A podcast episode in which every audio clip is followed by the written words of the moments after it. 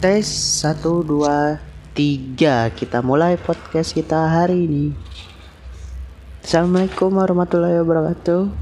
Eh, Salam sejahtera buat para pendengar Saya. Semoga tetap sehat dan semoga tetap selalu dalam lindungan Allah Subhanahu wa taala. Dan juga sel semoga yang saat ini bagi Anda yang mendengarkan yang terdampak oleh uh, sebuah virus yang saat ini melanda Indonesia semoga diangkat dan diberi kesehatan lagi ya dan juga semoga wabah yang saat ini melanda Indonesia segera berakhir dan kita bisa beraktivitas seperti semula. Saya uh, bukan mau membahas tentang virus ya karena juga saya belum ada keahlian di bidang tersebut. Dan saya juga nggak mau dibilang sok tahu dengan virus tersebut karena setiap hari itu berita yang kita dapat selalu berubah-ubah. Tidak pasti. Kadang jadi A besok jadi B atau mungkin lusa jadi C. Jadi selalu berubah-ubah dan itu pasti selalu berubah-ubah karena sudah banyak yang memberitahu dan sudah kasih, kasih tahu. Uh, mungkin uh, kita bahas ya sedikit lagi lah tentang jodoh-jodohan ya biar para akhwat atau perempuan dan laki-laki yang jomblo ini bisa sedikit terhibur dan bisa tahu hmm, bagaimana men mencari jodoh itu dengan ilmu Nah, seperti mungkin saya akan beri judul di podcast ini mencari mencari dia dengan ilmunya. Oke, okay? il dengan ilmunya. Ilmunya yang ilmunya di sini ilmu siapa? Bukan ilmu kita, bukan ilmu dia, tapi ilmunya arah atas ya. Ilmunya itu Tuhan karena hanya Tuhan saja yang memiliki ilmu tentang dia. Kita bukan apa-apa. Nah, oke, okay, kita mulai ya pembahasannya. Semoga bisa menghibur di waktu senggang kita dan di, di waktu bosan saat ini. Ya. Rezeki, maut, dan jodoh memang telah ditetapkan oleh Subhanahu wa Ta'ala sebelum kita dilahirkan ke dunia ini. Karena itu, semuanya tak akan pernah tertukar dari masing-masing orang dan kita sebagai manusia tidak perlu khawatir dengan semua ketetapannya. Karena janji Allah Allah Subhanahu wa taala itu pasti seperti yang dikutip dalam islam.com sebagai manusia biasa terkadang kita selalu mengkhawatirkan masalah jodoh apalagi yang sudah menginjak usia yang tidak muda lagi. Namun belum juga dipertemukan jodohnya. Padahal seharusnya kita tidak perlu risau karena semuanya toh sudah Allah tentukan sebagaimana firman Allah dalam surat Ar-Rum ayat 21 yang artinya dan di antara tanda-tanda kuasaannya ialah dia menciptakan untukmu istri-istri dari jenismu sendiri supaya kamu cenderung dan merasa tentram kepadanya dan dijadikannya di antaramu rasa kasih dan sayang sesungguhnya pada yang demikian itu benar-benar terdapat tanda-tanda kamu yang berpikir. Nah, perihal jodoh memang merupakan rahasia Allah Subhanahu wa taala dan hanya Allah Subhanahu wa taala satu-satunya yang mengetahui tentang misteri ini. Oleh karena itu dapat dikatakan sangat sulit untuk dilihat dan ditebak atau bahkan mungkin malah kita abaikan. Nah, manusia pun tidak akan pernah ada yang dapat menebak rahasia Allah tersebut Hal yang harus kita ketahui, sesungguhnya Allah telah mempersiapkan jodoh yang setara atau sesuai dengan kualitas diri masing-masing setiap manusia. Jika kita ingin mendapatkan jodoh yang baik, maka jadikanlah diri kita sebagai orang yang baik. Allah Subhanahu wa taala Allah Subhanahu wa taala berfirman dalam surat An-Nur ayat 26 yang artinya wanita-wanita yang keji adalah untuk laki-laki yang keji dan laki-laki yang keji pula adalah untuk wanita-wanita yang keji pula dan wanita-wanita yang baik adalah untuk laki-laki yang baik dan laki-laki yang baik untuk wanita-wanita yang baik pula. Mereka yang dituduh itu bersih dari apa yang dituduhkan oleh mereka yang menuduh itu. Bagi mereka ampunan dan rezeki yang mulia, yaitu surga. dari ayat di atas kita dapat simpulkan bahwa sudah jelas Allah telah menjanjikan wanita yang keji akan mendapatkan laki-laki yang keji pula begitupun sebaliknya. Dan wanita yang baik akan mendapatkan laki-laki yang baik pula begitupun sebaliknya.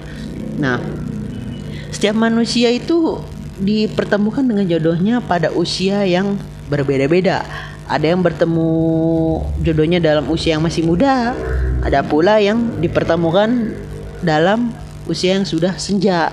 Namun hal ini tidak dapat dikatakan bahwa jodoh datang terlalu cepat atau datang terlalu terlambat. Karena sekali lagi bahwa jodoh merupakan rahasia Allah Subhanahu wa taala. Lalu apakah ada tanda-tanda dari Allah bahwa jodoh kita sudah dekat? Apa masih jauh? Untuk lebih jelas mari kita simak penjelasan Untuk lebih jelas uh, mari kita simak penjelasan beberapa dari para ahli yang berkata tentang jodoh.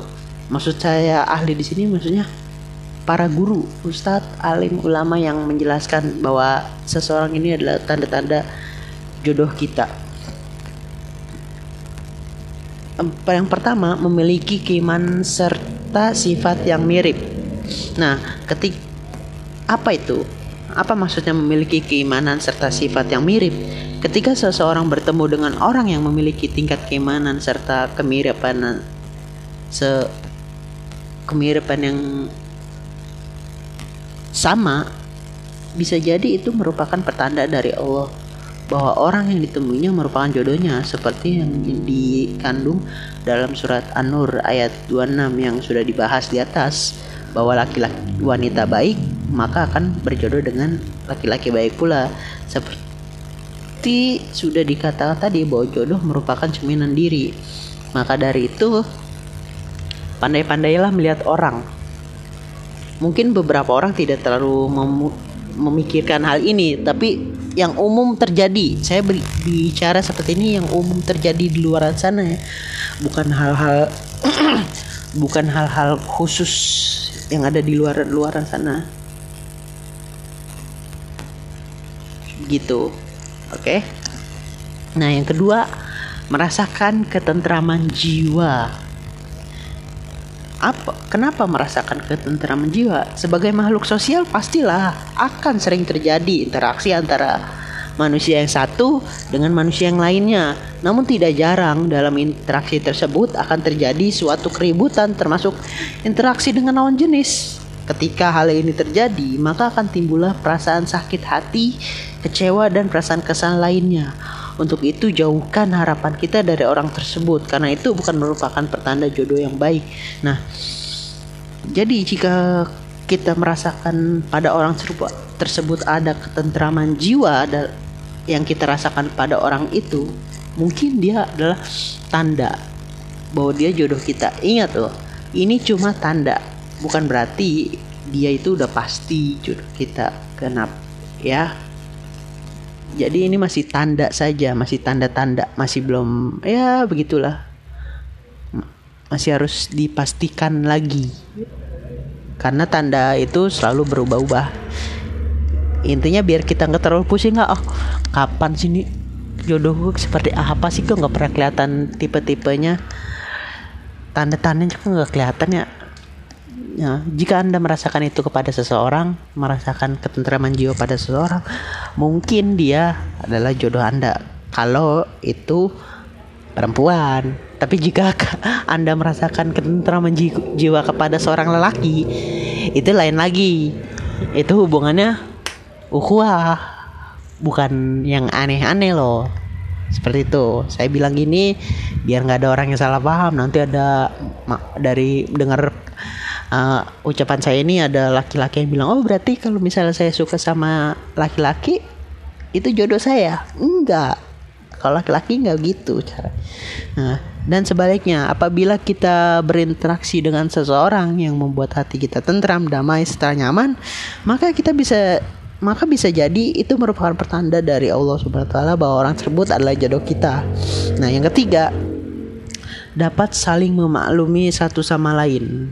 Nah, yang ketiga ini mungkin saya merasa hmm, kayaknya kalau baru pertama kali kenal atau beberapa hari kenal, mungkin hal kayak gini masih ya bisa tapi kalau misalnya udah lama-lama kenal mungkin beberapa wanita atau beberapa laki-laki akan berkata hm, kayaknya udah nggak bisa dimaklumi lagi deh. Kan udah kenal lama. Mungkin itu. Tapi kalau itu datangnya dari Allah ini pasti ada. Dan ini jadinya sifatnya biasa dan uh, pasti akan ditemuin Nah, ketika kita bertemu dengan seseorang yang bisa memaklumi apa pun keadaan kita, mungkin bisa saja Allah memberi kita petanda bahwa jodoh kita adalah orang tersebut. Perihal jodoh tidak ada yang rumit. Jika memang dia jodoh, kita tak ada satupun yang dapat menghalangi untuk saling mencintai. Dengan sendirinya akan timbul perasaan cinta di hati masing-masing dari kita. Dan dari situlah kita akan saling memahami dan memaklumi bagaimana sifat kita, fisik kita, fisik kita serta dalam kondisi apa pun. Nah, jadi memaklumi ini ini bukan memaklumi hal yang buruk ya, tapi memaklumi oh dia sifatnya kayak gitu. Oke, saya terima atau oh dia fisiknya kayak gini. Gimana? Oh iya, saya terima, saya maklumi atau dia kondisinya seperti ini, keluarganya begini. Uh, orang tuanya begini, begini, begitu, uh, saudaranya begini. Oh iya, saya terima, saya maklumi. Nah, yang seperti itu maksud saya. Jadi maklumi itu bukan maklumi hal yang oh dia pemarah. Oh yaudah malumi biarin aja. Enggak enggak bukan gitu. Maksudnya malumi malumi ke sifat hal yang umum terjadi. Nah, yang keempat dapat memberikan motivasi satu sama lain. Nah, yang keempat ini agak-agak tricky. Saya kenapa saya bilang tricky? Karena yang keempat ini ini hampir menjerumus ke pacaran syar syar'i tapi enggak Coba gimana jelasinnya?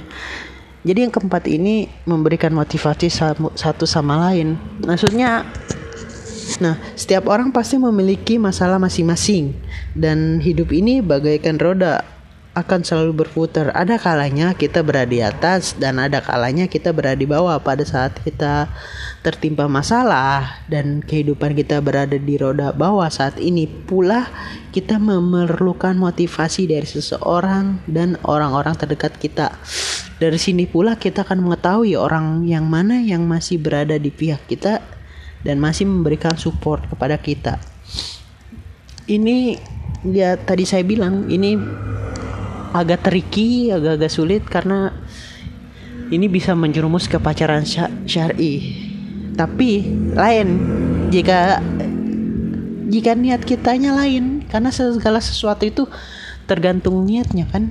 Kalau niatnya untuk buruk ya hasilnya buruk, tapi jika niatnya baik, insya Allah hasilnya akan baik. Nah, karena itu pintar-pintarlah berpikir sebelum bertindak. Tapi yang jelas yang saya bilang tadi ini merupakan tanda-tanda jodoh dari Allah. Karena jika dia bukan jodoh dari Allah maka nggak mungkin orang itu capek-capek buat bantu support kita. Ketika kita lagi ada masalah.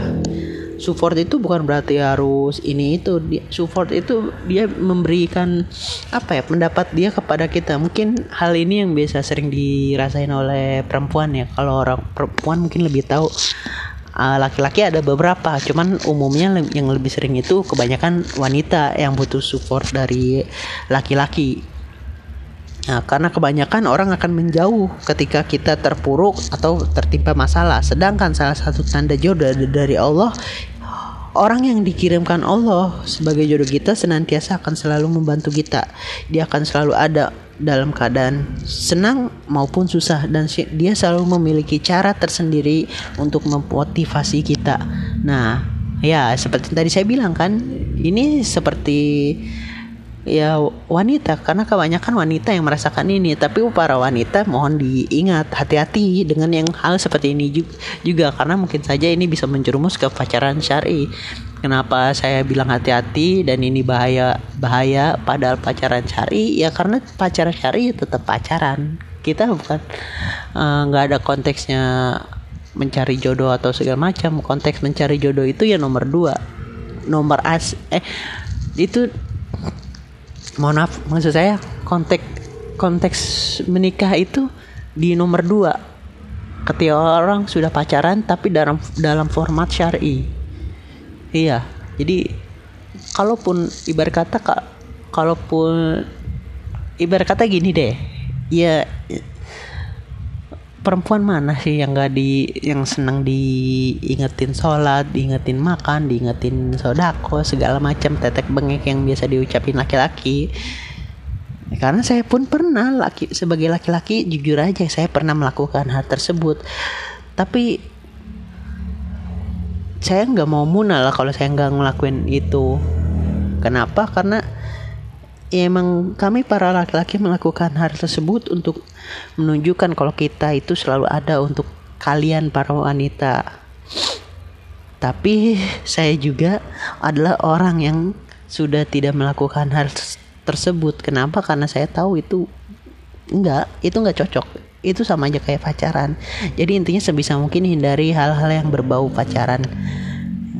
Jadi ah mungkin beberapa pembahasan ke bawah kit saya kali ini akan sedikit uh, menjerumus ke arah tersebut ya arah tersebut itu maksudnya pacaran syari tapi di sini saya meng mengembalikan lagi semuanya kepada anda para pendengar saya dan saya mengembalikan lagi semuanya pilihan kepada Anda karena yang memutuskan itu Anda bukan saya. Saya di sini hanya memberitahu apa yang saya tahu dan menyampaikan sesuai dengan apa yang ada. Tidak dibuat-buat atau apalagi dikarang-karang karena saya juga tidak mau mengingatkan seseorang tapi hasil karangan saya sendiri yang yang belum tentu itu benar. Kalaupun itu benar bagus, tapi kalaupun itu salah itu bisa jadi dosa jariah saya kepada Anda. Dan saya nggak mau itu terjadi. Jadi saya menyampaikan apa yang fakta apa yang ada. Nah yang keempat memiliki akhlak dan tutur kata yang bernilai motivasi.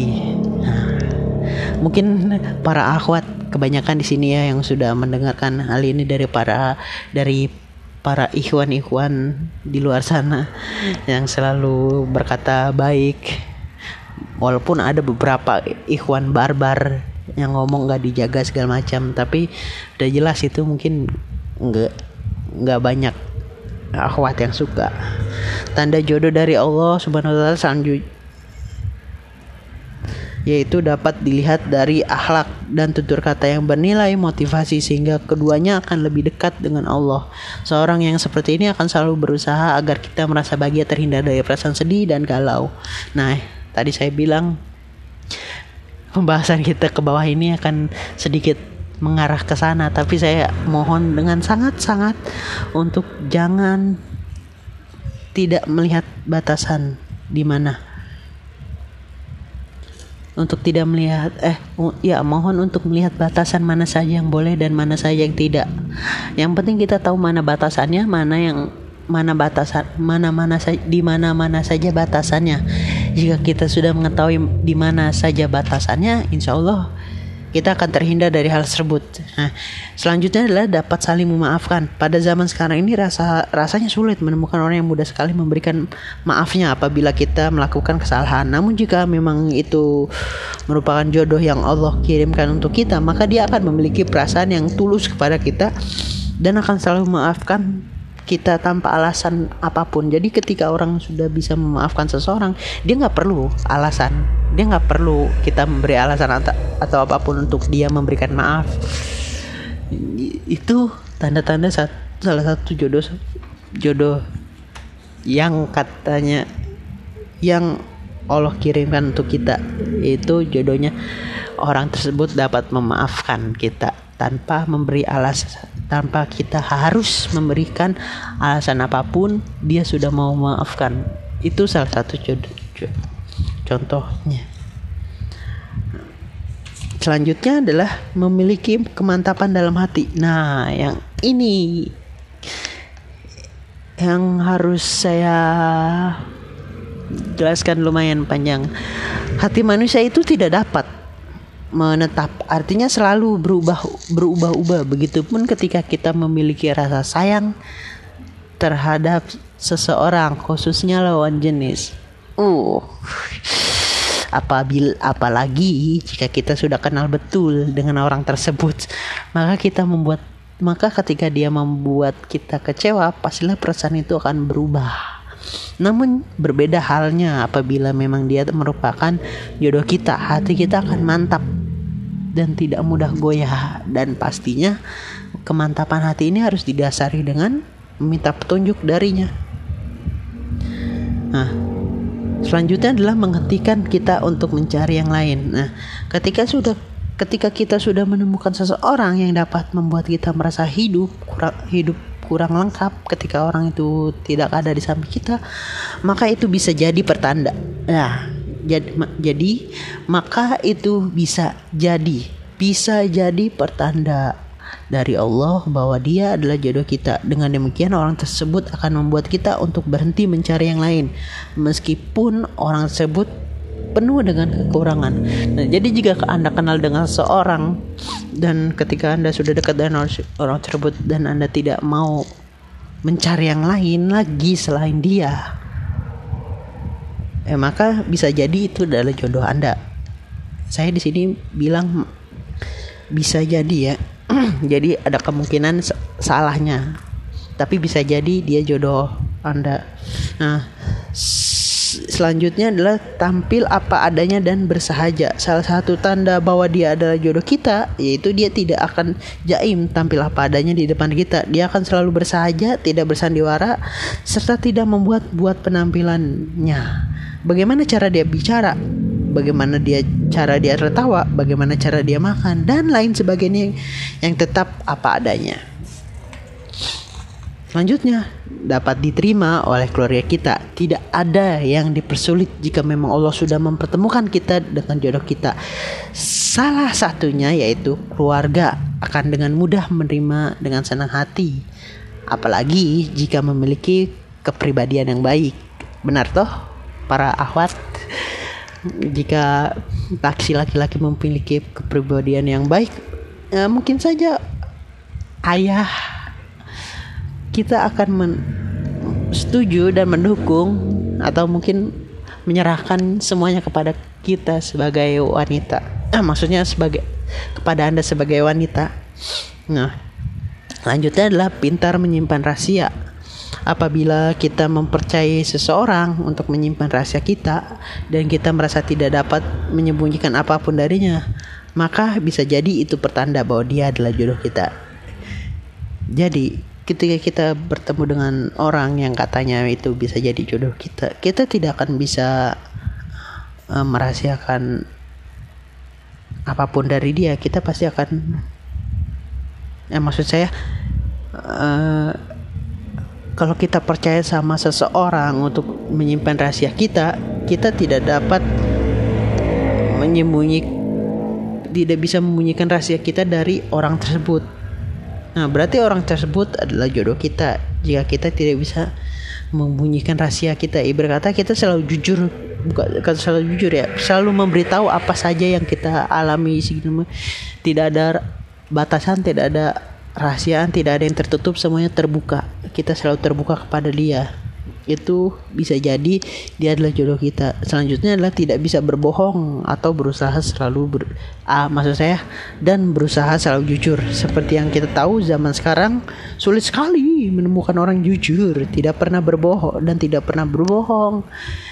Jika kamu menemukan seseorang seperti itu, tidak usah ragu lagi. Ya, jadi nggak usah ragu lagi kalau kalian udah menemu ketemu dengan orang tersebut, nggak usah ragu lagi orang tersebut merupakan jodoh kamu. Nah, selanjutnya adalah selalu memudahkan urusan dalam segala hal. Nah, salah satu per pertanda jodoh yaitu ketika kita merasa bahwa bersama orang tersebut segala urusan ter terasa mudah meskipun kenyataannya berat. Nah, jadi ketika kita sudah dipertemukan jodoh kita, kita itu merasa kok ketika kenal dia urusan kita jadi lebih mudah ya. Walaupun padahal itu masalahnya berat loh. Tapi ya namanya orang ya maksudnya maksud saya mungkin emang udah takdirnya udah jodohnya ketika dia mas mungkin kayak tadi saya bilang singgung sebelumnya mungkin karena dia motivasi selalu memberikan semangat segala macam dan selalu mensupport kita. Jadi kita merasa sebagai maksud saya jadi anda merasa sebagai para wanita itu uh, kok kenal dia ur segala urusan saya jadi mudah ya. Segitu. Pokoknya ketika kita mengenal dia kita kok merasa kok ada yang beda ya? Nah, tapi tapi tetap saja kita tidak boleh melupakan Allah. Kita tidak boleh melupakan Allah yang selalu bersama kita dalam keadaan apa pun. Dan jodoh kita hanya perantara saja. Nah jadi mereka itu cuma perantara. Yang paling utama Allah jadi usahakan ketika mencari jodoh atau ya mencari jodoh itu utamakan dia yang di atas bukan dia si laki-laki. Gitu paham ya? Jadi ketika mencari jodoh kita harus karena dia bukan karena dia. Dia pertama jari telunjuk ke atas dia kedua telunjuk ke samping jadi ketika mencari jodoh, usahakan untuk dia terlebih dahulu, baru dia. Nah, selanjutnya adalah tidak mempedulikan dan melupakan masa lalu. Nah, setiap orang memiliki masa lalu, baik masa lalu yang indah maupun kelam. Seseorang yang tidak peduli dengan masa lalu kita yang buruk bisa jadi dia adalah pertanda jodoh dari Allah Subhanahu wa taala. Oke, jadi salah satu tanda jo dia adalah jodoh kita menurut para ahli segala macam dan para yang orang yang berpunya ilmu di dalamnya. Jika seseorang menerima tidak peduli dengan masa lalu kita, ibarat kata mereka menerima saja, nggak peduli mau baik ataupun buruk masa lalu tersebut, dia akan tetap menerima. Dan jika sudah seperti itu, bisa jadi dia pertanda jodoh dari Allah. Ya mohon digaris bawahi bisa jadi. Bukan saya nggak bilang pasti bisa jadi dia itu jodoh dari Allah subhanahu wa taala nah yang terakhir adalah melakukan sholat istikharah serta tawakal dan akhir untuk mengetahui pertanda jodoh dari Allah Allah memerintahkan kita untuk melakukan sholat, sholat istikharah, serta bertawakal berharap petunjuk Allah Subhanahu wa Ta'ala, dan sehingga kita akan mendapatkan jodoh terbaik dari Allah Subhanahu wa Ta'ala. Nah, jadi ketika anda para akhwat atau para ikhwan sudah merasakan hal tersebut yang sudah saya jelaskan sebelumnya, maka Anda tinggal melakukan satu langkah terakhir yaitu Anda melakukan sholat istiqoroh. Ya, sholat istiqoroh ini apa ya? Sholat isti banyak orang yang salah paham. Mohon digarisbawahi sholat istiqoroh itu bukan sholat untuk meminta hujan. Kenapa saya bilang ini? Karena banyak di luar sana ketika saya bilang, Hai, mau dapat jodoh, coba sholat istiqoroh. Eh maksudnya eh bingung jodohnya yang mana? Coba isti sholat istiqoroh deh. Pasti nanti di, dikasih tahu. Terus dia bilang loh kok sholat istiqoroh? Bukannya sholat istiqoroh minta hujan ya? Enggak sholat istiqoroh bukan minta hujan. Beda lagi kalau sholat minta hujan itu sholat istiqoroh ini kit sholat sholat yang memohon petunjuk. Mohon dipil memohon untuk dipilihkan yang terbaik dari Allah. Karena doa istikharah itu sangat sangat sangat sangat indah. Sangat sangat indah. Kalau saya kalau saya baca saya, saya akan artikan aja ya. Arabnya mungkin bisa anda hafalkan di Google banyak ya. Artinya kan artinya arti juga arti kan beda-beda tapi intinya itu sama. Artinya gini ya Allah aku mohon petunjuk. Eh sebentar mohon maaf saya lupa lupa ingat uh, artinya. Hmm, ya Allah ya Allah aku mohon ilmumu bukan ilmuku. Aku bukan apa-apa. Engkau yang memiliki ilmu ilmu tentang dia sedangkan aku tidak memiliki. Karena itu kau mohon ilmumu. Aku mohon segala sesuatu yang engkau ketahui tentang dia. Dan aku dan ya Allah aku mohon ketetapanmu dengan kuasamu bukan kuasaku. Aku maaf ya Allah hanya hamba yang yang hina yang penuh dosa. Karena itu hamba mohon ketetapanmu dengan kuasamu ya Allah. Bukan kuasaku aku hanyalah seorang hamba yang memohon kepadamu untuk diberikan ketetapan. Ya Allah engkau yang mau membolak balikan hati. Engkau bisa merubah benci menjadi suka Allah engkau bisa mengubah suka jadi benci. Aku mohon itu aku mohon ketetapan itu tersebut. Ya Allah, jika urusan ini baik untuk agamaku, duniaku, dan kesudahan urusanku,